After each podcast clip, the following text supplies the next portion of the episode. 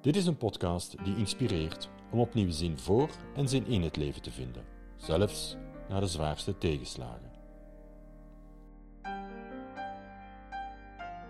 Dus dat is toch negen jaar, hè? Dus dat zou pas binnen negen jaar zijn dat dat vierde boek op de markt is, waarin dan eigenlijk de verlossing staat, waarin ik dan eigenlijk echt kan gaan zeggen, kijk, hier is nu eigenlijk inspiratie, beste mensen, om te gaan doen wat ik heb gedaan. Dat werkt ten eerste niet. Dat is absurd. Ten tweede, ik kan geen negen jaar meer in die pijn zitten. Dat wil ik niet voor mezelf. En ten derde, en dit is het meest belangrijke.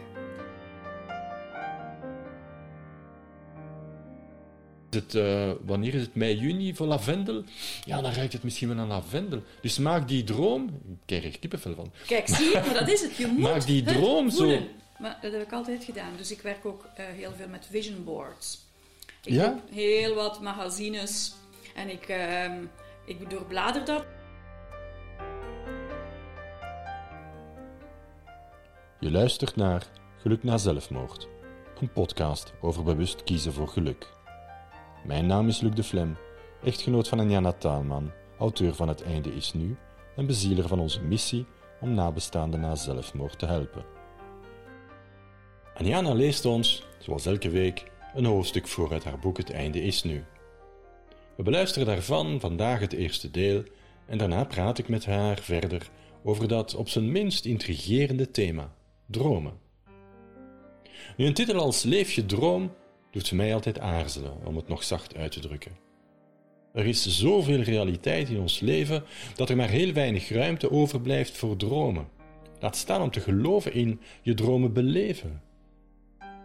Maar het is ook wel waar dat die zogenaamde realiteit zich steeds weer opdringt, juist daar waar zij voor even misschien wel wat minder belang heeft. Want wat betekent dat juist, je dromen beleven? Hoe kan zo'n illusie zich in enige mate realiseren? Of in grote mate? Om de wereld van onze dromen binnen te wandelen, zijn we door onze dubbele deur gestapt. De ene heeft zich geopend omdat we voor dat dromen hebben durven kiezen, en de andere heeft zich op wonderlijke wijze geopend door de dankbaarheid voor wat we nu reeds hebben. Vandaag wandelen we verder in onze droomwereld en gaan we uitmaken hoe we dromen en realiteit dichter bij elkaar brengen. Leef je droom heet de aflevering. Een uitdagende keuze in een podcast als deze, maar daarom niet minder belangrijk. Het klinkt misschien onwerkelijk, maar laten we even samen enkele stappen zetten in die onwerkelijkheid. Het zou wel eens kunnen zijn dat ze ons op een aangename manier verrast. Het wordt geen remake van The Sky is the Limit, dat is een belofte. Alleen al maar omdat we geen limiet stellen aan dromen. Maar ook geen verplichting. Het mag, niets moet, zaligmakende dromen of gewoon een dosis dankbaarheid voor het hier en nu. Of beide. Vandaag wil ik met jou op stap, jouw dromenwereld in. Of dat een croissantje op een terrasje onder de lentezon is, een koffietje recht over de Palazzo Vecchio in Firenze, of een reis rond de wereld op je fiets met je rugzak, met of zonder twee dozijn vrienden, jij kiest. Het enige dat we vandaag gaan doen is dromen, met ons hoofd in de wolken, maar wel met onze beide voeten netjes op moeder aarde. Ik ga ook niet meer zeggen dat het als opwarming dient, want de reis begon al zes afleveringen geleden en we hebben al een mooi pad afgelegd. Er komt nog natuurlijk, maar daar denken we vandaag even nog niet aan. A journey of a thousand miles starts with a small step. En uiteindelijk is elke reis, hoe lang ook, niets meer dan een min of meer klein of groot aantal stappen, maar wel in de goede richting en met de nodige veerkracht en doorzettingsvermogen. En als eerste stap vandaag luisteren we naar de auteur, die zoals elke week een deel van haar boek Het einde is nu aanbiedt om ons te begeleiden op de etappe van de dag.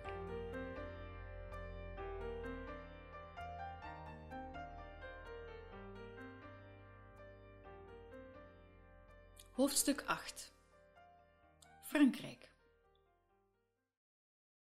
Buiten mijn sneeuwwitte muren heeft de nacht zich in zijn donkerste vacht gewikkeld. Ik zou al lang in dromenland moeten zijn. Morgen leid ik op de zaak een seminar voor recruiters over de komende veranderingen in hun vakgebied. Het is mijn taak ze te inspireren met ideeën over hoe we als team de War for Talent kunnen winnen. Niet alleen het gesprek met mijn moeder houdt me wakker, maar ook de laatste mailuitwisselingen hierover met mijn zus, die er niet veel voor voelt ook nog de lichamelijke verzorging op ons te nemen. We gaan erbij neervallen, zus. Ze heeft gelijk natuurlijk, dat weet ik heus wel. En toch blijf ik achter, met een gevoel van tekortkomen. Alsof ik niet alles kan doen om haar te helpen. Alsof ik niet alles doe. Alsof ik een belofte niet nakom. Ik verwarm mijn koude hart aan de zachtheid van mijn donsdeken en scroll nog wat door mijn mails op de iPad. Luc heeft kort geantwoord. Hij drukt me op het hart dat hij nooit heeft getwijfeld aan mijn professionele houding. Ik vind het best grappig dat hij zoiets schrijft. Hartverwarmend ook. Ik lees nogmaals zijn vorige antwoord over mijn hek en moet toegeven dat hij zijn vraag feitelijk op zijn gebruikelijke professionele manier had geformuleerd. Ik had mijn eigen angst in zijn woorden gelezen. Hoe bizar het ook mag zijn, hij is wel de allereerste man voor wie ik mijn gepijnigd hart heb durven openen. Niemand anders is daar ooit in geslaagd. Eén woord van mij, één blik zelfs, en hij kijkt dwars door me heen. Als enige. Niet één andere man van de honderden exemplaren die mijn levenspad kruisten, zakelijke contacten, vrienden, dates, zelfs mijn ex-man, is er ooit in geslaagd mijn muur van verdriet te doorprikken en te zien wie de echte Anjana is achter de sluier van onverwerkte kwelling.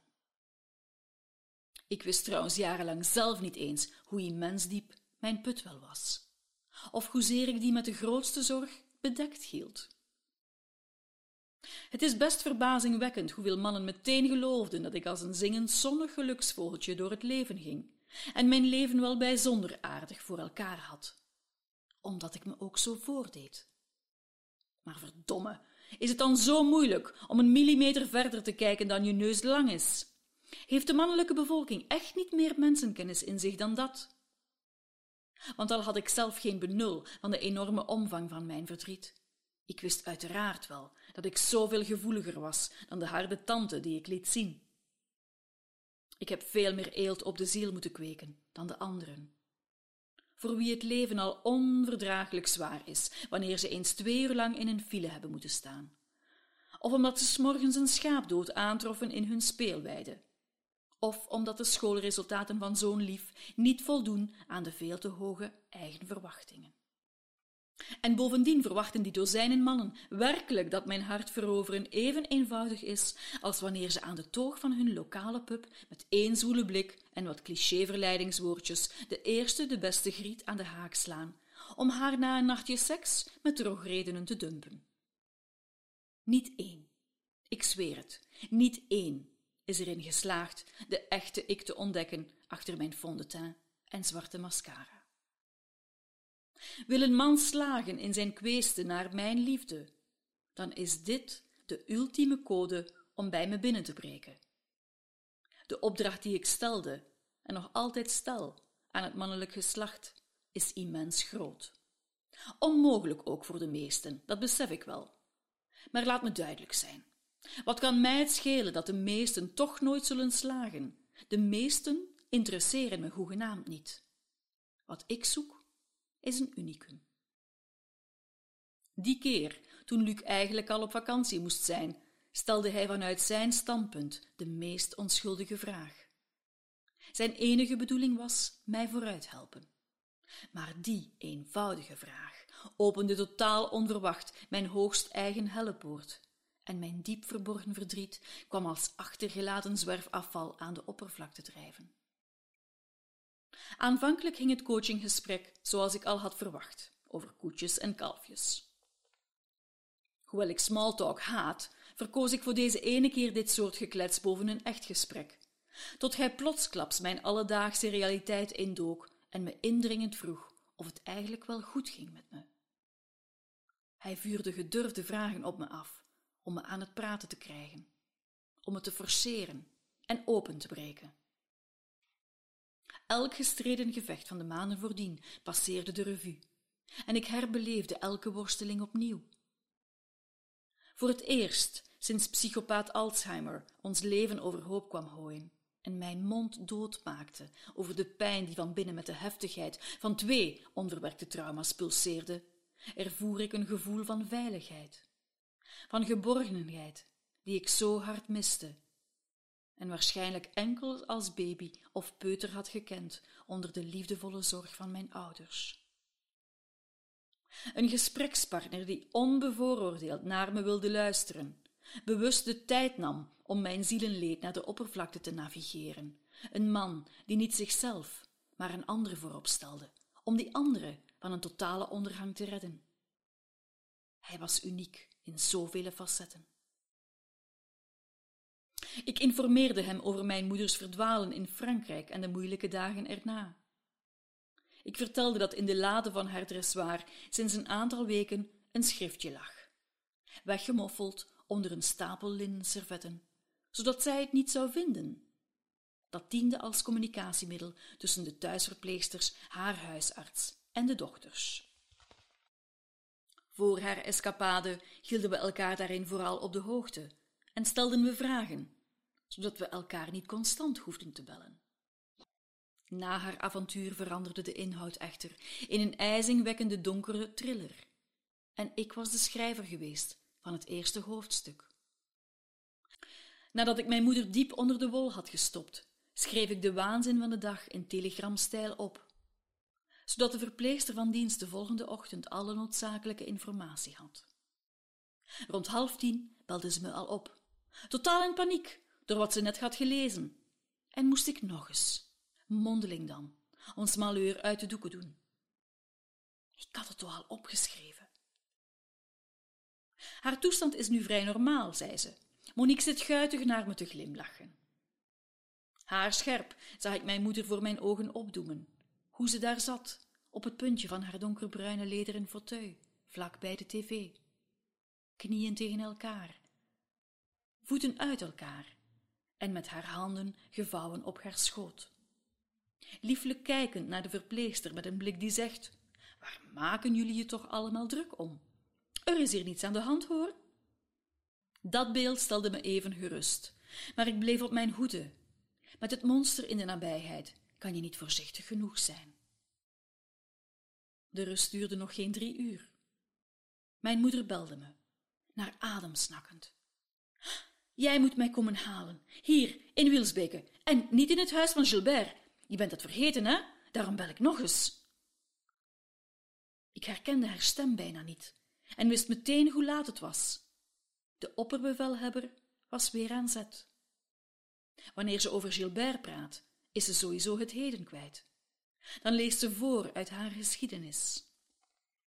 Gilbert is haar broer. En als kinderen speelden ze tussen de velden en boerderijen, waar ze samen met nog een zus opgroeiden.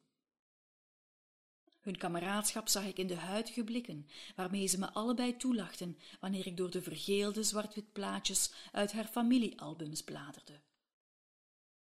Mijn moeders broer trouwde met mijn vaders zus en zij zelf met mijn vader op dezelfde dag. Hoe haal je zoiets in je hoofd? En zoals er in vrijwel alle families ruzie komt over geld of wie het ouderlijke huis mag hebben, kwam ook hier een kink in de kabel. Mijn vijf jaar jongere zus en ik waren te jong om de familiewrijvingen te begrijpen. Als tienjarige nam ik klakkeloos over wat mijn ouders me inlepelden. En als papa zei dat een nonkel een klootzak was, dan was het voor mij zo klaar als een klontje dat ik die nonkel met bloeddorstige ogen moest aankijken zodra ik nog eens zijn pad zou kruisen. Maar dat was toen. Ik was nog een kind. En intussen is het te laat. Ik kan de gedachtenhang van duizenden dictators, politieke leiders of wereldverbeteraars door de eeuwen heen terugvinden in geschiedenisboeken of op het internet. Maar het doen en laten van mijn eigen ouders, hun gedachten, angsten, wensen en dromen, zullen voor eeuwig en altijd opgeborgen blijven in hun afgestorven geest. De dag na haar terugkeer uit Frankrijk begon een maandenlang gevecht over het terugkrijgen van haar auto. Mijn zus en ik hingen eraan kapot. Kort na de middag had ik Etienne, de manager van haar Mercedes-garage, opgebeld om te checken of haar auto of wat daarvan was overgebleven bij hem was afgeleverd. Een uur geleden binnengebracht, zei hij. Ben erg geschrokken. Met Moniqueske alles in orde toch? Mijn moeder was twee Mercedes aankopen lang klant en Etienne had ook mijn vader nog gekend. Mijn ouders kochten er samen hun allereerste tweedehands Mercedes. Nadat mijn moeder weduwe was geworden, bracht hij haar wagen binnen voor de vierjaarlijkse controles. Zorgde hij ervoor dat elke noodzakelijke reparatie in zijn garage voor een habbekrats werd gedaan en kwam hij zelfs een keer in de eerste maanden na ons drama zelf haar auto thuis repareren, zodat ze niet voor het eerst helemaal in haar eentje naar de garage zou hoeven komen. Etienne was zijn levenspartner verloren. Al was dit wel gebeurd volgens de natuurlijke gang van zaken, wat voor de nabestaanden lichtjaren verschil uitmaakt. Ik kan het weten. Maar Etienne kende wel de pijn van elke eerste keer zonder. De eerste verjaardag zonder die ene, de eerste kerst, de voorspelbare momenten van pijn. Maar de emotionele kwelling vroet dieper en kiest de meest onverwachte momenten om uit te breken. Zo hoorde ik mijn moeder op een morgen ijzingwekkend huilen. Het moet februari in dat vervloekte jaar geweest zijn. Ik was nog half in slaap uit bed gekropen en in paniek naar de keuken gerend. De gootsteen zit verstopt, snikte ze. Het water loopt niet weg. Hulpeloos zat ze voor me, op handen en knieën, doelloos starend naar de afvoerbuizen onder de wasbak. Ik nam de ring en steeksleutels uit haar handen, pakte haar op. Ze was nauwelijks meer dan een hoopje kleren en bracht haar schuifelend naar haar stoel aan de keukentafel.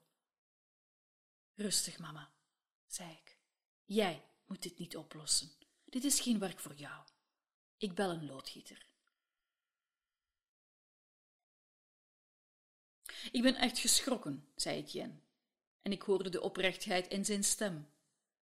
Ik wilde niet over ons leven praten met niemand, maar was erop voorbereid dat ik er ditmaal niet onderuit zou kunnen. In plaats daarvan vertelde hij mij zijn eigen verhaal. Ik was het universum zo ontzettend dankbaar. Dezelfde ziekte had ook zijn vader overmeesterd.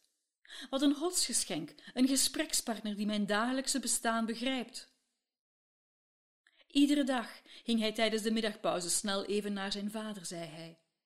Anders eet gij niet. Wanneer zijn vader hem opbelde, liet hij alles vallen. De zaak leidt eronder, maar het is niet anders. Hij vertelde over zijn hartverscheurende dilemma. De juiste balans vinden tussen werk en zorg. Ik riep hem toe: Ja, dat herken ik zo.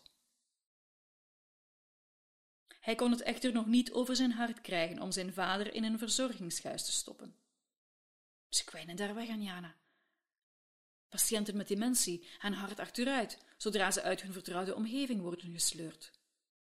Hoe blij ik ook was dat ik iemand aan de lijn kreeg die mijn dagelijkse chaos begreep. Door die woorden brak het angstzweet me uit, omdat tot me doordrong dat mijn gevecht tegen mijn moeders opname bij voorbaat verloren was.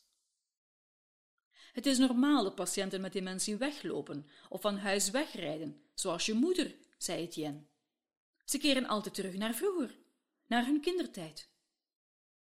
Ineens begreep ik het. Mama was niet zomaar wat gaan rijden. Ze was op weg gegaan naar haar ouderlijke huis, naar haar moeder, die een jaar eerder gestorven is. Na haar wekenlange huilbuien over het plotse verdwijnen van haar wagen, haar geschreeuw om die terug te krijgen, hysterische beschuldigingen tegen Lien en mij dat wij haar leven kapot maken, psychoses omdat wij haar in een onbekend huis achterlaten, had de dokter opnieuw het woord opname in de mond genomen. Nee, zei ik vastberaden. Nee, dokter, echt niet. Nee, dat gaat nog niet. Zoiets voelt te definitief. Dat lukt nog niet. Nog voor haar, nog voor ons. Maar haar toestand ging van kwaad tot erger. Alle ellende zakte van de hoge regionen naar de lagere in haar lichaam. Ze kon nauwelijks nog op eigen benen blijven staan. Van de huiskamer naar de oprit wandelen verde al mijn stevige ondersteunende arm, en onze moeder-dochtermomentjes in de supermarkt werden alsmaar schaarser. Maar de dokter, die had geen flauw benul waarom haar benen niet meer verder wilden. Wanneer ik langskom, springt Monique nog uit haar fauteuil, zei hij. Maar hij ontving niet de tientallen telefonades met geklaag en gehuil. Ga, mijn benen doen zo zeer, ik ga ze afsnijden. Hij hoefde niet hele weekenden bij haar te blijven en aanzien hoe iedere dag haar motoriek verder aftakelde. Hij hoefde zijn moeder niet te zien afsterven, als de dorre eikenbomen in haar winterse tuin, die naakt en levenloos in hun grondvesten bevroren staan. De lente zou weer leven brengen, dacht ik in december. Jonge groene blaadjes zouden bij de eerste zonnestralen uit hun winterstolp ontspruiten, en de grillige, kronkelende takken zouden getooid worden in een aristocratische kruin van levend groen. Maart kwam hoopvol om de hoek kijken. De eerste paaslelies dansten parmantig onder een helblauwe hemel, jubelend om hun wedergeboorte. De voortuintjes in het dorp, getooid in een bont palet aan kleuren, hadden onder die eerste lentegloed iets sprookjesachtigs. Mensen hooiden hun deuren open, trokken voor het eerst dat jaar hun dikke sokken uit en genoten met blote voeten van het frisse gras. Van een troep kwetterende merels trok niet hun hitzwarte verenkleed mijn aandacht, maar het oranje-geel van hun snavels. Het was tijd om de beloftevolle kant van het leven op te kijken.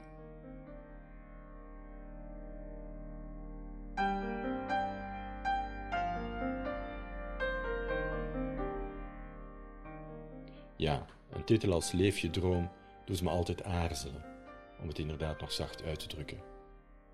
De mate waarin we dagdagelijks met de realiteit geconfronteerd worden, maakt dromen op zijn minst moeilijk, als het al niet quasi onmogelijk lijkt. Maar betekent dat dat dromen niet zou kunnen? Natuurlijk kan dromen niet zonder het erkennen van de realiteit. Het eerste deel van het gesprek, dat met heel veel enthousiasme over dromen begint, brengt ons heel snel terug naar die realiteit. Beweren dat die niet bestaat is zeker niet de weg om dromen mogelijk te maken, om evenweg dromen in een wereld van gelukkig zijn toe te laten. Maar omgekeerd is er dan ook geen enkele reden waarom de realiteit dat goed dan ook zou verhinderen. Dat in naam van het respect voor die realiteit dromen zouden moeten verboden worden. Integendeel, Misschien dat dromen juist de realiteit haar juiste dimensie kan geven. En misschien dat beide inderdaad niet eens tegengestelde zijn van elkaar. Als dankbaar zijn voor wat we vandaag hebben in de realiteit reeds een stap in de droomwereld is, waarom zou dan dromen geen invloed kunnen hebben op die realiteit? Reeds in het eerste deel ga je horen hoe het gemoed van Anjana beïnvloed wordt wanneer ze over een van haar dromen praat. Alleen al eraan denken, ervan hopen, ervan spreken, transformeert letterlijk haar belevenis van het nu. En wat is realiteit trouwens anders dan de manier waarop we het hier en nu beleven? Als het na een heerlijk warme zonnige zomer weer gaat regenen, dan kan je dat heel droevig vinden. Gedaan met picknickjes en wandelingen en zonnebaden voor wie daarvan droomt. Maar een landbouwer, waarvan de gewassen gevaarlijk droog staan, zal zijn vreugde haast niet kunnen verhullen voor jou. Dezelfde realiteit? Wel, de feiten zijn dan wel dezelfde, maar het referentiekader van beide is zo verschillend dat de belevenis ervan quasi volledig die realiteit definieert. En als we met dromen onze belevenis van de realiteit kunnen transformeren, zijn we dan inderdaad de realiteit zelf niet aan het transformeren? Maken we op die manier niet onze dromen stapje voor stapje tot realiteit? We komen hier uitgebreid op terug in het tweede deel van het gesprek. En wees gerust, we doen dat steeds op onze eigen manier, met heel veel zin en respect voor die realiteit, maar steeds met een snuifje humor en deze keer besprenkeld met sterrenstof uit Dromeland.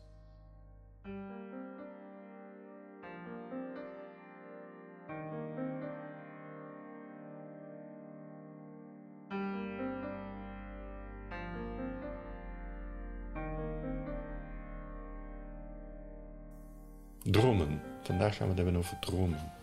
Ah ja? Ja.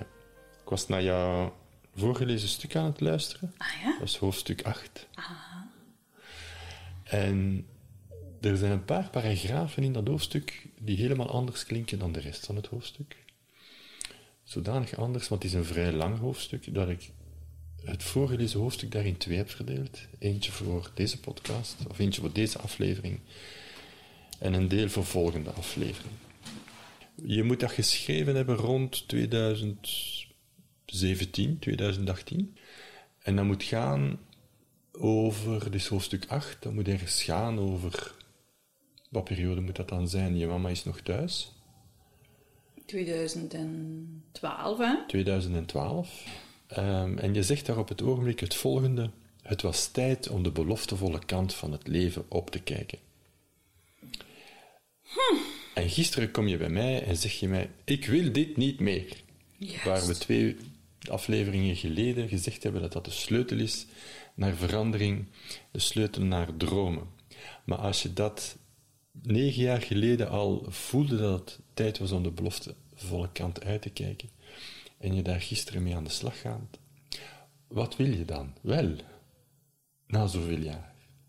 Ja, maar ik heb dat in die tien jaar transformatie verschillende keren gezegd tegen mezelf. hè. Dus je komt eigenlijk telkens ook weer op een diepere laag. Ja. Waar je weer een strijd misschien moet voeren En met jezelf, met de demonen die nog niet verwerkt zijn. en telkens een stapje verder. Ja, want Ja. ik wil altijd de beloftevolle kant opkijken. Ja. Maar gisteren was het zo flagrant, Waarom? eh, omdat het ook een transformatie is in je idee over je boek. Sinds Ja. gisteren heb je ook eh, je doelstelling rond het boek veranderd. Je gaat Ja. het tweede boek hersch- herschrijven. Totaal. Ja? Dus mijn fans gaan nog even moeten wachten. En met even weet ik zelf totaal niet hoe lang. We gaan ook voor de Ach. podcast hoogstwaarschijnlijk een aantal zaken veranderen. En ik kom dan terug. Wat wil je dan wel uitspitten? En we, we gaan als titel van de podcast van deze aflevering gebruiken Leef je dromen. En het is dus aan ons om eens te kijken wat we moeten doen om zo kort mogelijk bij het leven van onze dromen te geraken. Dus wat wil je dan wel?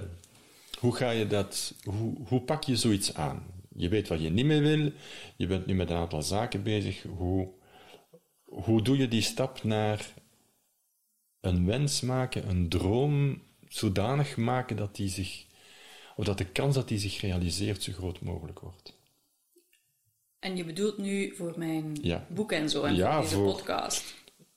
Voor wat je maar wil. Wel. Ja, tot voor kort, eigenlijk tot voor de lancering, kon ik daar blijven ingaan in dat verhaal. Hè? Lanceren van de podcast. Ja, en eigenlijk van het boek, denk ik. Ah. Ja, je hebt het moeilijk gehad om er terug in te kruipen. Ja, want ik ben dan wel weer beginnen schrijven in maart, na een weer zware periode om, na, de, na de uitgave van het boek, door de zoveel reacties. Misschien kom ik daar nog op terug waarom dat, dat zo zwaar was. Ehm, maar toen ben ik beginnen schrijven aan boek 3.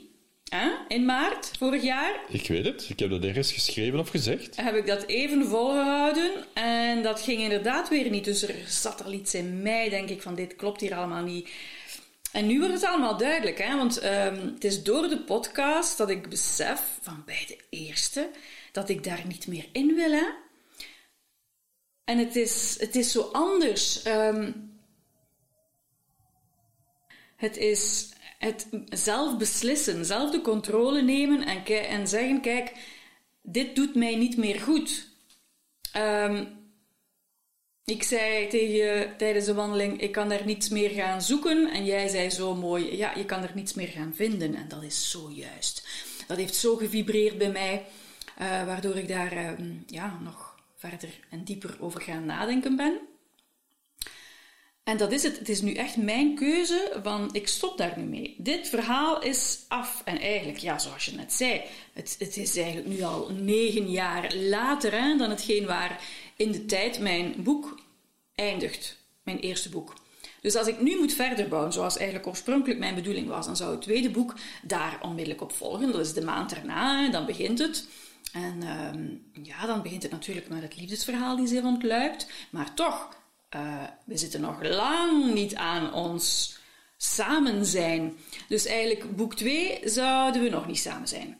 Boek 3 zou dan, ja, dan zouden we eindelijk samen zijn. En dan uh, is er nog zoveel leed. En het overlijden van mijn moeder. En hoe ik dan mijn pad moet zoeken. En dan nog zoveel, wat ik nu niet kan vertellen, hè, want ze gaan dat ooit nog wel eens lezen. En dan uh, boek 4 zou pas eigenlijk het proces van verlossing worden.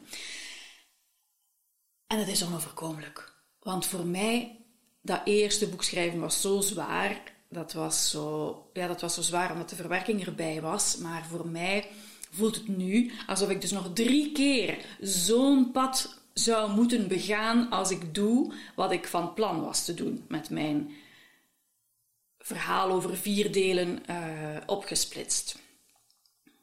Nu, voor de lezer, voor de luisteraars, en de lezers vooral, er kunnen toch vier boeken komen, maar het zullen gewoon volledig andere boeken zijn. Maar mag ik nu eigenlijk vertellen wat ik ga doen in dat boek? Je mag vertellen wat je wil. Waar het, mij vandaag, om gaat, nee, nee, waar het mij vandaag om gaat, is um, automatisch ben je terug gaan vertellen, ben je eigenlijk terug in je verhaal gegaan, waar je niet meer wil ingaan. Ja, omdat ik dat moet uitleggen, denk ik dan. Ik denk altijd dat ik alles moet uitleggen. Ja. Hm. Maar dat is toch altijd die nood aan begrip, aan begrepen worden, die maakt dat je daar nog altijd iets wat laat door aantrekken. Ja, maar het is wel zo dat wanneer je achter je schrijftafel gaat, dat het dan duidelijk, stop, genoeg gedaan, uh, hier wil ik niet meer ingaan. Nee, maar het is zo, want ik ben nu aan het denken aan de blog die ik moet schrijven om dat allemaal uit te leggen hier, dit proces. Ja, maar laat mij die dan maar schrijven. Uh, ik denk niet dat je daar nog moet ingaan. Het is voor mij belangrijk om, één, we gaan praten over wat wil je dan wel. En we gaan eens kijken hoe je dat, wat wil je dan wel zo sprankelend mogelijk kan maken. Maar het tweede is, het is niet omdat je op een zeker moment bewust wordt van iets, dat dat helemaal doordringt in heel je lijf. Je lijf gaat zich blijven verzetten zelf tegen die bewustwording. Ja. Zelf wanneer jij beslist om niet meer terug te gaan in het verhaal, gaat van zodra er een kans is, ik weet niet wat in je lichaam ervoor zorgen dat je weer dat pad op gaat, omdat dat nu eenmaal het het meest ja, moet ik dat eigenlijk? Ik, kan het niet psychologisch uitleggen, maar het meest natuurlijke pad is of het meest evidente pad? Ik heb altijd de positivo geweest. Dus wat er met mij ook gebeurde, ik moest daaruit. Dus dat was eigenlijk altijd mijn herstelgerichte aanpak. Maar voilà, dat wil daarom niet zeggen dat je niet door je, door je zijn, door je demonen weer teruggetrokken wordt. En zoals jij al zoveel gezegd hebt, mensen kruipen altijd terug in hun pijn omdat het daar omdat het daar veilig voelt, omdat ze dat kennen. Gekend is. Ja, en uh, ik vind het altijd zo moeilijk om dat te horen, hè. Want met de mind kan je eruit, maar toch word je onbewust wel teruggetrokken. Ik merk dat ook, zonder dat ik het wil. Het probleem van de mind is, het is zowel de mind die jou eruit kan helpen, als de mind die jou er terug intrekt. Onze, hersenen, onze hersenen, dat is niet één ding dat functioneert. Dat zijn een hoop dingen die eigenlijk een prioriteit hebben. Het ene zorgt voor onze veiligheid, het andere zorgt voor onze ambitie, een derde zorgt voor ja, liefdevol zijn met elkaar en, uh, of empathie hebben en zo van alles. En die zijn met elkaar aan het vechten. Dus het is niet dat wij in ons brein één ding hebben en daar, of, of een grootmeester die dat orkest heftig laat spelen. Dat zijn een hoop muzikanten die, waarvan sommigen proberen harder te spelen dan alle anderen samen. En dat maakt die strijd. Eh, als we nu over dromen hebben, dan is het eigenlijk altijd om iets positievers te hebben in het leven, dus om eigenlijk gelukkiger te worden. En daar net zijn zoveel mensen onbewust zeer bang van. Daarom is dat ook dat ze teruggetrokken worden. Wat er nu bij mij gebeurd is, ja, ik ben eigenlijk nooit bang voor het geluk geweest. Hè? Dus bij mij is het eerder dat willen uitleggen. Ik heb dat altijd gehad. Ik denk dat, dat, ik, dat, dat ik alles moet uitleggen voordat er begrip kan zijn. En uh, als ik nu plots uh, stop met bijvoorbeeld mijn eigen boek voorlezen, ja, dat moet ik toch uitleggen. Beste luisteraar, dat is waarschijnlijk wat er gaat gebeuren. En ik ga er ook voor zorgen dat Anjana de uitleg niet kan geven. Goed. Dat voelt, uh, dat is, uh, ja, dat moet zo zijn. ik, wil, ik wil het eigenlijk hebt, niet meer. Je hebt me gisteren letterlijk gezegd, dit wil ik niet meer. En nu is het belangrijk om op dat pad te blijven. Maar dat is niet makkelijk om eigenlijk een beslissing werkelijk te gaan doorvoeren, omdat we ook jaren het andere pad hebben bewandeld. Ja. Ik gebruik graag het, het beeld van karrensporen. Hè. Hoe meer een kar op zo'n aardeweg op de, in dezelfde sporen Mhm. rijdt, hoe dieper die sporen worden en hoe moeilijker het wordt om eruit te geraken. Maar ook, het is ook moeilijk omdat het onze mission statement is.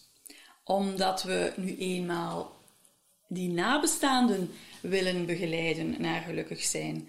Het is eigenlijk een, een ommekeer van onze, van onze missie om eigenlijk eh, mensen te helpen die daarmee te kampen hebben met deze problematiek en eigenlijk ook om zelfmoord bespreekbaar te maken. Dus ik ging daar eigenlijk eh, de woordvoerder van worden en ik ging dat overal, ja, zoals ik het zeg, bespreekbaar maken, omdat het taboe doorbroken moet worden. Er is nog altijd een veel te groot taboe, zeker in België. In België is het nog veel erger dan in Nederland. Ik hoor jou nu het woordje zelfmoord gebruiken, als was het een woordje in eh, het woordenboek zoals alle andere. Ja. Eh, maar dat is... oh, dus we zijn nu zeven jaar of bijna acht jaar samen. Dat is nog geen twee, drie jaar dat dat daar zo makkelijk Nee. uitkomt, dat je Nee. zo makkelijk daarover praat, dat je zo makkelijk kan zeggen, want dat is het juist, hè. Wat is het beste signaal dat je er nu niets meer te zoeken en te vinden hebt? Mhm. Dat is het feit dat je het ook niet meer nodig hebt. Nee? Je bent van nature steeds aangetrokken geweest door dat verhaal, door daar terug in te gaan, door erover te praten, zolang het nodig was. Dus Ja. ergens is die aantrekking ook een erkennen van het nodig zijn. Belangrijk is om te vinden waar dat dan voor dient. Je mag het aangetrokken zijn door het verhaal, niet zomaar weigeren, want waarschijnlijk is daar een reden voor waarom dat je al die jaren daar naartoe gegaan bent. Ja, voor mezelf, voor mijn eigen helingsproces waarschijnlijk. Hè? Ja. Ja, zonder ik twijfel. Moest, ik moest daar alles gaan zoeken. Waarom ik op een bepaalde manier in het leven stond. Waarom, waarom ik zo in ontkenning ging. Dus daar lag voor mij alles te zoeken. Ja. Daarom ging ik er altijd terug in. En ik dacht, kijk, ik ben daar nu door, ik moet daar nu iets mee doen naar de wereld. Maar eigenlijk wil ik de wereld inspireren naar geluk. En hoe kan ik het beste inspireren? Ja, niet zoals ik nu eigenlijk van plan was door het verhaal druppelgewijs te gaan vertellen, om dan binnen, laat ons zeggen, dat ik er twee jaar over doe eh, per boek nu, hè, in plaats van drie jaar. dan eh, plus telkens een jaar tussen voordat je het op de markt krijgt. Dus dat is toch negen jaar, hè? Dus dat zou pas binnen negen jaar zijn dat dat vierde boek op de markt is, waarin dan eigenlijk de verlossing staat. Waarin ik dan eigenlijk echt kan gaan zeggen, kijk, hier is nu eigenlijk inspiratie, beste mensen, om te gaan doen wat ik heb gedaan. Dat werkt ten eerste niet. Dat is absurd. Ten tweede, ik kan geen negen jaar meer in die pijn zitten. Dat wil ik niet voor mezelf. En ten derde, en dit is het meest belangrijke.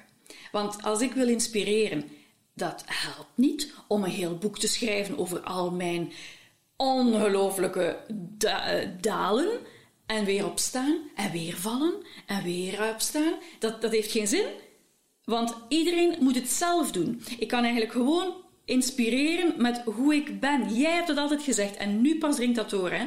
Allee, de laatste weken. Nu pas dringt dat door. Ik moet gewoon mijn geluk leven. En daardoor inspireer ik.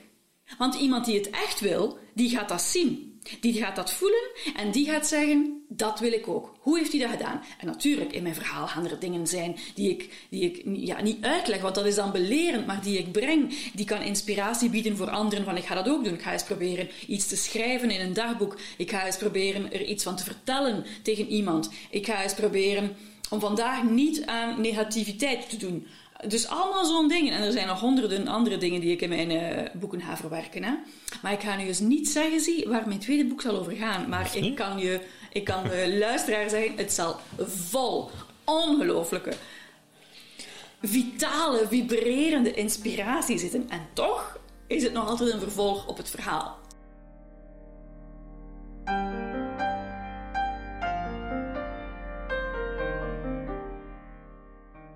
Vooraleer we ons verder gaan verdiepen in Dromenland, kom ik even terug op de manier waarop de realiteit ons steeds terug naar zich toetrekt.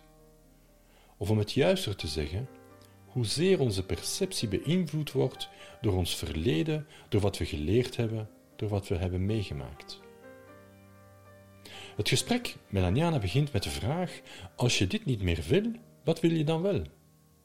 En binnen de kortste keren vertelt Anjana ons wat het verleden was en wat de toekomst zou zijn indien die verder gaat zoals het nu gepland is.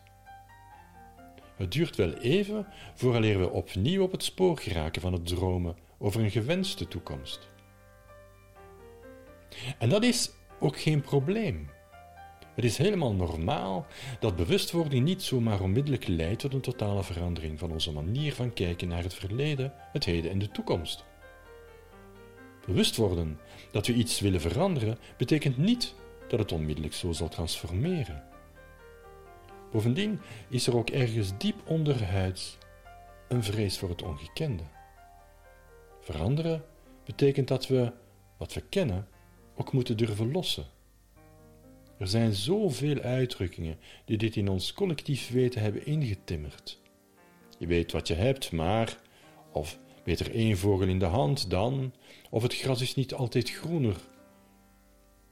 Er zijn uitdrukkingen voldoende die de onveranderlijkheid van de realiteit bevestigen. Maar ook die realiteit is maar een perceptie. Een diep ingewortelde perceptie, net als die karrensporen waar we al jaren eigenlijk nog zonder veel nadenken onze weg vinden naar steeds hetzelfde resultaat. Waarom zouden we dan het risico nemen om dat te veranderen? Het is ook zo, zoals Anjana heel duidelijk aangeeft, dat het pas tijd is om die sporen te verlaten wanneer je er klaar voor bent. Maar laat dat ook weer geen excuus zijn om het niet te doen. Als jij het gevoel hebt dat je op jouw pad niets meer evolueert, dat je daar niets meer te zoeken hebt, of eerder zelfs niets meer te vinden hebt, dan is de tijd aangebroken om een stap te zetten. Een stap resoluut in de richting van wat jij wil, van wat jij wel wil. Dat hoor je aan Jana aan het einde van het eerste deel van het gesprek weer resoluut doen. Er gebeurt op dat ogenblik heel wat. Wat wil je dan wel? Daar gaan we het uitgebreid over hebben in het tweede deel van het gesprek.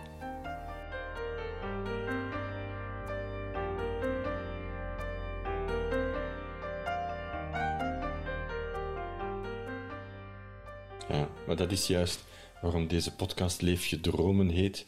Uh, omdat het daar eigenlijk over gaat. Hè. Dat is eenmaal dat je iets anders wil, ga daar dan voor. Ja. En dat begint, dat begint met, met eenvoudige zaken. Wanneer alleen al te uiten wat je wil, door het preciezer te maken, uh, door het je voor te stellen, maar niet alleen ja, zo, zo eigenlijk als een flits in je hoofd, want dat is dan één flits tussen honderdduizenden of, of miljoenen andere flitsen die je die dag gaat hebben.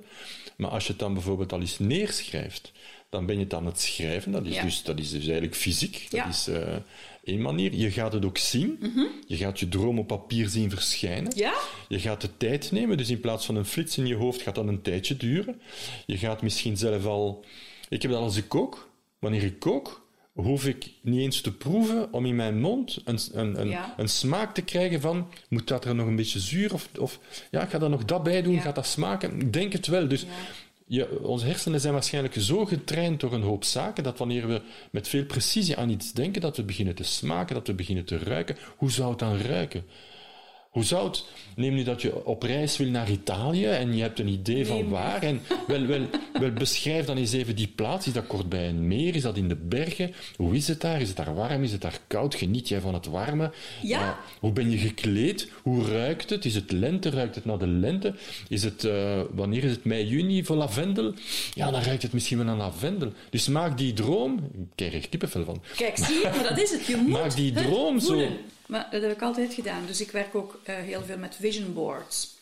Ik Ja? heb heel wat magazines en ik, ehm, ik doorblader dat zonder die artikels te lezen in dit geval. Voor mij gaat het dan om de beelden. De beelden dat iets opwekt. En die snij ik allemaal uit en die plak ik dan in een hele mooie collage.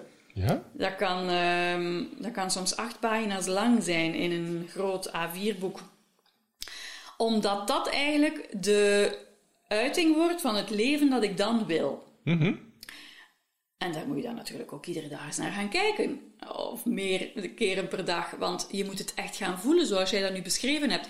Dat maakt eigenlijk dat je, dat je opstaat en het is alsof het al zo is. Ja. En het is maar door dat gevoel te hebben dat het zich ook kan manifesteren in het leven. Ja, Omdat is- je dan alle- alles gaat doen. Je gaat onbewust alles gaan doen om daartoe te geraken. Ja. Mijn allereerste moodboard die ik maakte, wel, alles wat daarin staat, wordt werkelijkheid in mijn leven. En dat bewijst boek 2. Het gaat hier niet over the sky is the limit en American dreams en, en, en mateloze zaken.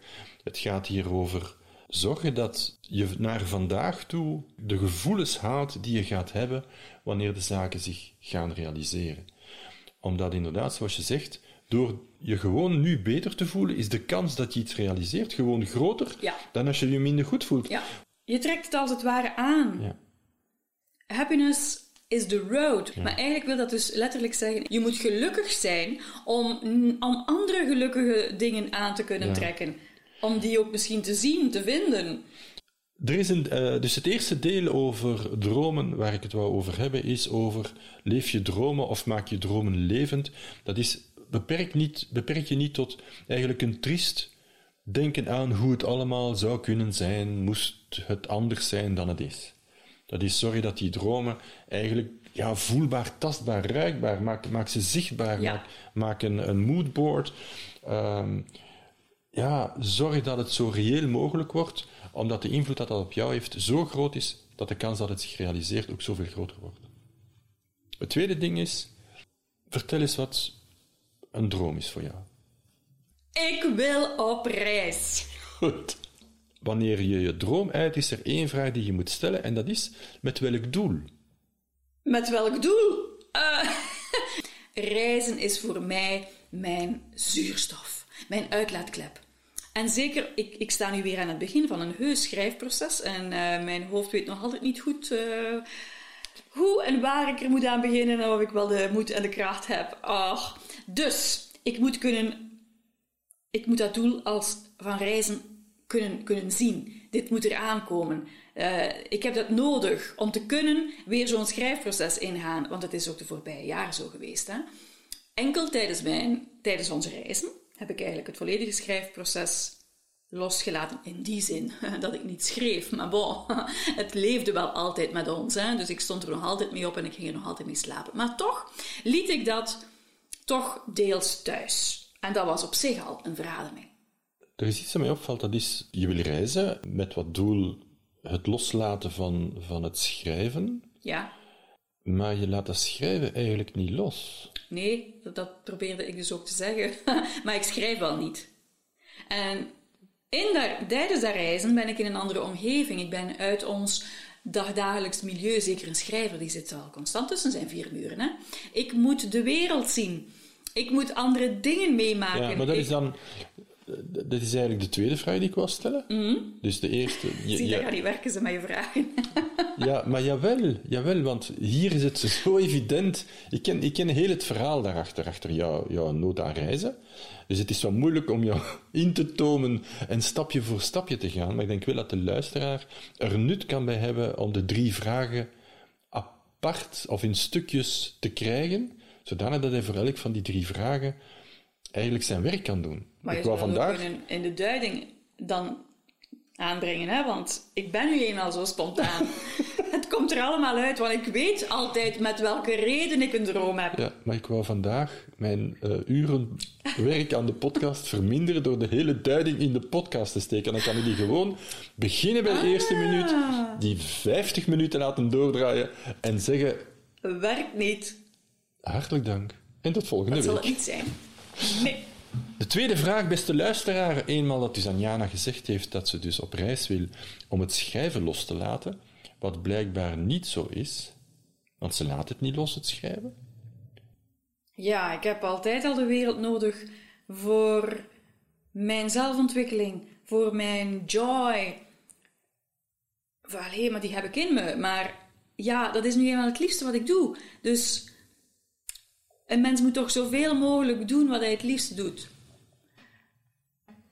onze reizen, dat is, dat is eigenlijk het toppunt van onze liefde, van onze uitwisselingen, van inspiratie, van nieuwe dingen ontdekken, van andere culturen ontdekken, van genieten, lekker eten. Ja, kon ik elke dag zo leven, dat zou eigenlijk mijn favoriete leven zijn. Dat schrijven is ook soms voor mij heel zwaar, hè? En dus wil ik gewoon niet meer schrijven. En dus. Ja, dan komen, terug, ga. dan komen we terug bij de tijd die je dan besteedt aan het boek.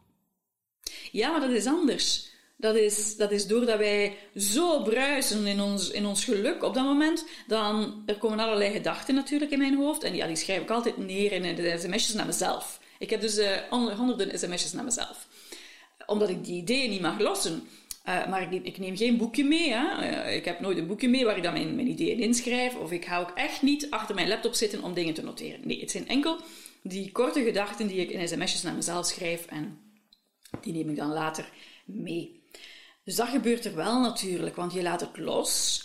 En daardoor is het alsof je weer een nieuw soort inspiratiebron eh, opent.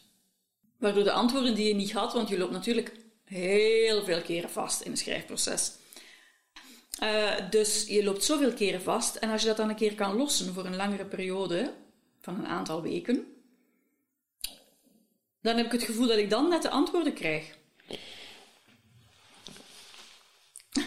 Je gaat op reis. nu is je hij gaat op heel- reis. Je gaat op reis om het schrijven los te laten. En je wordt overenthousiast over de honderden sms'jes die je aan jezelf schrijft. Als ik even mag, lijkt het mij niet te gaan over het schrijfproces. Wat je daar lost. Goh, nee, het is misschien... Maar ja, ik voel mij sowieso... Kijk, als er, als er iets meer dan 100% zou bestaan, dan zou dat het zijn. Ik, ik voel mij zo meer dan 100% zo zielsgelukkig als wij op reis zijn. Dan is het precies alsof ik alles kan beleven wat, ik, wat eigenlijk mijn droom is in mijn leven. En waarschijnlijk omdat je dan zo, zo, zo gelukkig bent zonder ook maar iets negatiefs. Want ja, als iets blokkeert, als je schrijft, als je altijd hetzelfde moet gaan doen, als je altijd in dat schrijfproces, in dat verhaal van mij moet gaan duiken, dat is zwaar. Dus waarschijnlijk is het omdat ik dan niet 100% gelukkig ben, dat niet alles zo bruist. Kijk eens hoe makkelijk het schrijven wordt. Je zegt het letterlijk, hè. je bent dan zo gelukkig dat het schrijven... Honderden sms'jes schrijf je. Er zijn misschien twee dingen. Eén, de bevestiging dat gelukkig zijn het pad is. Maar twee, misschien dat het niet gaat over het schrijven, maar over uit dat verhaal. Ja, En ver van dat verhaal. Je laat het verhaal thuis, je laat dat verhaal thuis, niet het schrijven. dat is het. Je geniet van het schrijven. Ik heb jou, dat, ik heb jou daarvan, als je daarover praat, ook over, over hoe je over boeken van andere schrijvers praat, over de, de schrijfkunst, over de verhaalkunst van andere mensen. Eh, je praat ja, er met ja, zoveel maar passie dat is over. misschien omdat ik dat ook wil. Ah, wel, Zoals maar de grote je kan toch niet iets willen? Je kan toch niet iets willen waar je niet echt van droomt? Hoe zou je, daar nu, hoe zou je dat nu zo willen als je niet echt een schrijver in hart en ziel bent? Dat is het, want je kan ook maar. Dat, ik heb dat al eens gelezen en dat is ook zo. Je kan maar zien bij een ander wat je in je hebt, want anders zie je het niet. Dus ik wil mij telkens wel verbeteren, dat is waar, die passie heb ik wel. Maar nu wil ik dus een boek schrijven die mij gelukkig maakt. Nee, die, ja, ik ben gelukkig. Ik wil dat boek schrijven. Ik denk dat je uit, uit dat verhaal nu eindelijk wil stappen. Ja, En dan kom ik terug naar de discussie van daarnet, waarin je je vroeg of we onze missie aan het veranderen waren. Wij hebben onze missie helemaal niet veranderd. We begeleiden mensen om terug het geluk te durven Ja, toelaten, exact. te kunnen toelaten en het te omarmen. Exact. En op een zeker ogenblik moet je eruit. Maar je moet daar ook klaar voor zijn. Jij bent er klaar voor. ja, Het is niet omdat je weet dat gelukkig zijn het pad is, dat dat zomaar doordringt tot in jouw vingertoppen, vezels, ja, inderdaad. tot in jouw diepste vezels, Ja, zoals je zegt. omdat in die vezels net die traumasporen zitten. Dus ik vind wat je, wat je doet, blijft nog altijd dezelfde, dezelfde intentie. Dat is mensen die eh, met een trauma geconfronteerd zijn, of met de gevolgen van een trauma geconfronteerd zijn, te gaan helpen om dat geluk terug toe te laten, eh, te durven toelaten en dat te gaan omarmen. Eh, En dat is een, dat is een ongelooflijk traject. Je hebt het traject afgelegd. Je bent nu aan, aan het hele andere einde van, van, van dat verhaal. Uh, het is niet meer dat je dat niet meer kan zien. Nee, maar het is nu mijn beslissing. Ja. Van ik ga dat nu... Ik ga nu... Ja. Ik ga nu eigenlijk eens echt mijn geluk leven zoals ik het nu voel. Dat wil ik nu doen. Ik wil...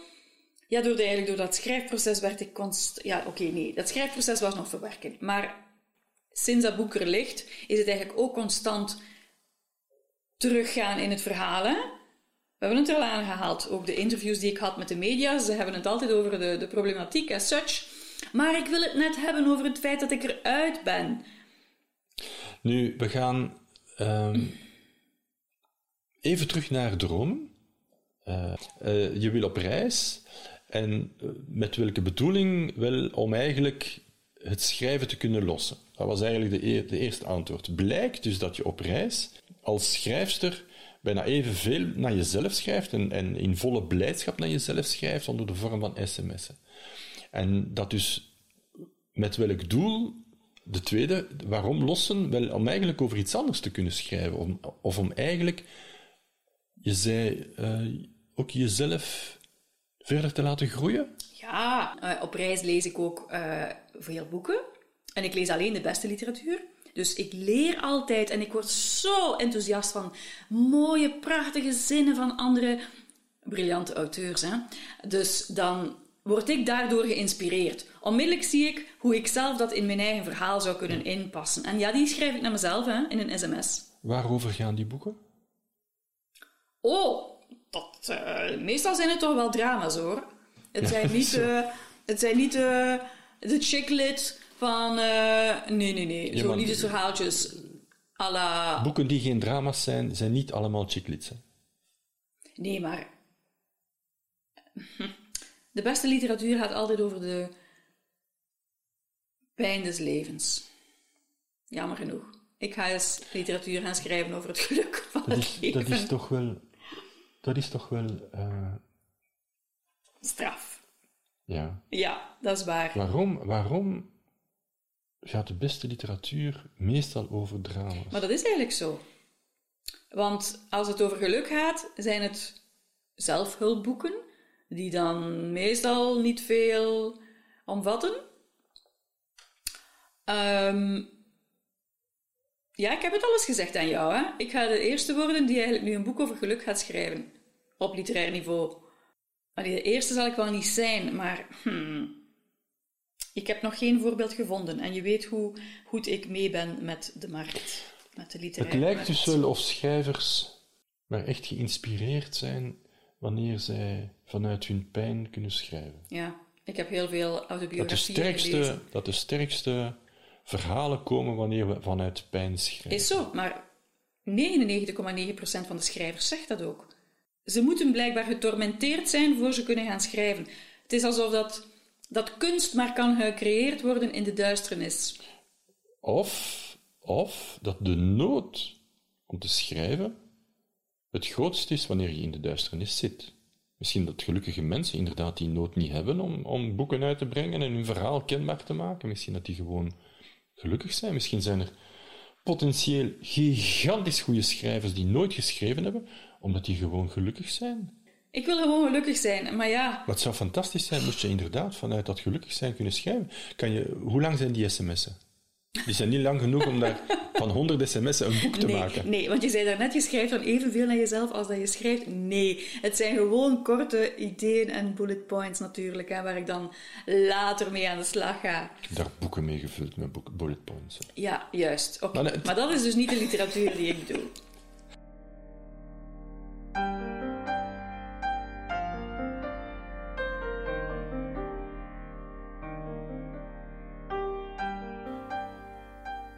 Er zijn twee gouden regels bij dromen. Drie eigenlijk, maar de eerste hebben we reeds voldoende eer aangedaan en we gaan die regel zero noemen.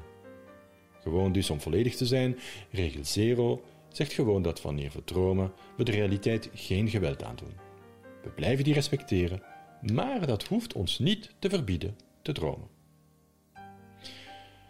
Regel 1 naar leef je droom wordt dan Maak je droom zo reëel mogelijk. Maak hem voelbaar, zichtbaar, ruikbaar, proefbaar, tastbaar. Anjana's aanpak om van haar dromen een moodboard te maken is een essentiële stap voor haar waarmee ze de kracht steeds weer kan oproepen om ervoor te gaan en te blijven gaan, ondanks alle tegenslagen die ze op haar pad tegenkomt. En dat geldt voor elk van ons. En om dat even duidelijk te maken, wil ik een soort metafoor gebruiken. Maar dan wel een eigenaardige metafoor, een reële metafoor, mocht dat bestaan. Dat we onze dromen zo levend kunnen maken geldt inderdaad zodanig dat een niet nader genoemde meubelketen omgekeerd onze wensen, of noem het onze dromen, heel intens bewerkt door de meubelen die ze verkoopt om te vormen tot een belevenis. Je kan zien hoe je leven zou zijn in de laatste nieuwe Sunnerstra of Noksult. Je kan erin gaan zitten. Je kan voelen hoe zalige tv kijken is vanuit de nieuwe Kivik. Je kan voelen hoe je jezelf in die helemaal waargemaakte droom zou voelen. Als zij daarin slagen om onze dromen te manipuleren vanuit die belevenis, waarom zouden wij dat dan niet omgekeerd zelf voor onszelf kunnen doen? Schrijf je droom uit. Maak een moodboard. Wandel in je droom. Proef hem. Hoor hem. Voel hem. En hoe meer je dat doet, hoe meer je hem voelt met al je zintuigen, hoe meer hij eigenlijk realiteit wordt. Want die is ook perceptie door je zintuigen. En kom me nu niet zeggen dat na het dromen het pijnlijk ontwaken in de realiteit komt. Of is dit weer een wit paard? Niets hoeft het heerlijke gevoel dat je intens werkelijk voelend droom je gegeven heeft weg te nemen. Integendeel, het kan jou net dat duwtje geven, dat beetje extra energie om een volgende stap te zetten in die realiteit, maar wel naar jouw droom toe. Maar niet zonder regel 2 gehoord en toegepast te hebben. Tijdens het gesprek maak ik gewag van drie vragen. Maar ik ben daar door de mateloos enthousiasmerende ongedisciplineerdheid of zal ik het eerder vrijmakend enthousiasme van Anjana niet helemaal toegekomen. Daarom hier wat meer duiding daarover. Het is eigenlijk heel eenvoudig en je kan dit ofwel alleen doen, ofwel met iemand die samen met jou een stapje wijzer wil worden. Het begint met gewoon een droom te uiten. Verrassend genoeg hoeft het niet eens die ene droom te zijn die je zou wensen, mochten er weer eens een lampen in genie met slechts één wens langskomen. Gewoon een mooie droom die goed voelt. Je vertelt hem met de nodige geuren en kleuren, zoals we in regel 1 geleerd hebben. En je medewandelaar stelt jou dan vraag nummer 1. Met welk doel? De originele vraag is in het Engels. With what purpose? En purpose maakt voor mij het woordje doel wat duidelijker. Als jouw wens is ik wil op reis en jouw partner vraagt met wat doel en je antwoordt daarop het Gardameer, dan is dat wel leuk, maar is dat niet wat er met het doel bedoeld wordt. Het is eerder wat zou jou die reis naar het Gardameer of elders eigenlijk brengen. Zo hoor je Anjana vertellen hoe ze tijdens het reizen eindelijk kan stoppen met schrijven, omdat ze het schrijven moe is. Tot ze gaat vertellen wat ze dan wel doet tijdens het reizen. Boeken lezen van grote schrijvers als inspiratie. Inspiratie voor het schrijven. De discussie gaat nog uiterst enthousiast verder, maar ik wil hier nu met jou reeds de twee volgende vragen opnemen waar we in het gesprek niet geraakt zijn. Na jouw uitleg over jouw doel, het doel dat jouw reis zou vervullen, stelt je medewandelaar jou vraag nummer 2. Met welk doel? With what purpose? Ja, eigenaardig genoeg, exact dezelfde vraag, maar wel over een waarschijnlijk heel ander verhaal dan de eerste maal. Ga voelen wat die vraag nu met jou doet. Neem daar ook de tijd voor. Vertel welk dieper doel je nastreeft. Vertel ook dat met de nodige zin voor detail. Vertel misschien zelfs hoe jij je zou voelen mocht je dat doel realiseren. Ondertussen kan je al raden wat vraag 3 inhoudt. Met welk doel? Ga nu nog dieper voelen wat je eigenlijk zoekt in je droom. Je zal ook voelen hoe elk antwoord steeds meer uit het hart komt en minder een vaag idee is dat ergens in je hoofd rondspookt. Ik stond versteld hoe een eenvoudige wens die ik uitte wanneer ik voor het eerst met de vragen geconfronteerd werd, transformeerde tot de expressie van een heel diepliggende wens, die ik op zoveel manieren trachtte in te vullen zonder er ooit echt bewust van te zijn, en zonder er trouwens ooit, tot dan, een vervullend antwoord op te vinden. Hoe ik wil enkele kilo's minder wegen, uiteindelijk werd ik wil de controle en verantwoordelijkheid over mijn leven weer opnemen, ongeacht de fout die ik, in mijn opzicht althans, gemaakt heb. Anjana's overtuiging dat ze steeds weer in haar pijn moest gaan om anderen te kunnen helpen, heeft haar weerhouden zich ervan vrij te maken. Dat is nogthans wat elk van ons moet doen om bevrijd te worden. We kunnen alleen onszelf bevrijden en we houden ook alleen onszelf gevangen in onze eigen overtuigingen. Eenmaal geconfronteerd met de diepere betekenis van haar eigen dromen, dringt het tot haar door dat ze veel beter anderen kan helpen door helemaal te worden waar ze voor staat. Een baken op het pad naar weer gelukkig mogen en durven zijn. En dat ze dat gewoon best kan doen door daar een voorbeeld van te zijn.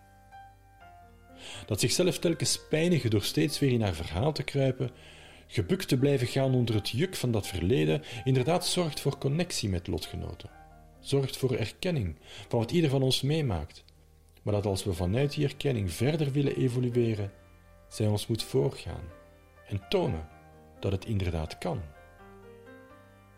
Na zoveel jaar heeft ze haar vader eindelijk kunnen vergeven en kan ze weer volop de liefde voelen die ze voor hem steeds had. Dit zou de conclusie van haar verhaal kunnen zijn. Maar heeft ze, na zoveel jaar, niet eerder zichzelf eindelijk vergeven, waardoor de liefde die er altijd gebleven is, weer haar volle bloei mag kennen onder een stralende zon van vrijheid en gelukkig zijn?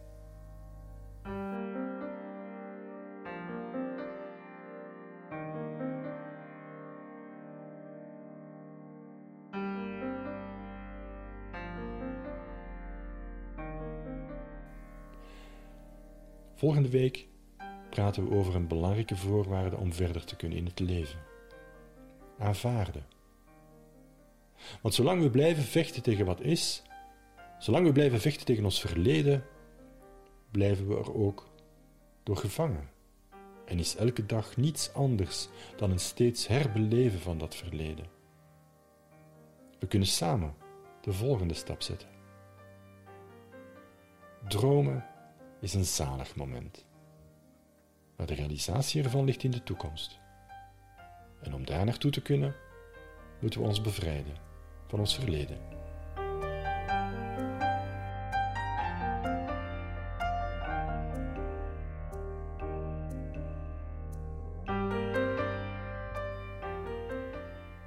Je luisterde naar Geluk na zelfmoord, een podcast over de pijn en de schoonheid van het leven en hoe nieuw geluk, dat eerst onmogelijk lijkt, toch mogelijk wordt.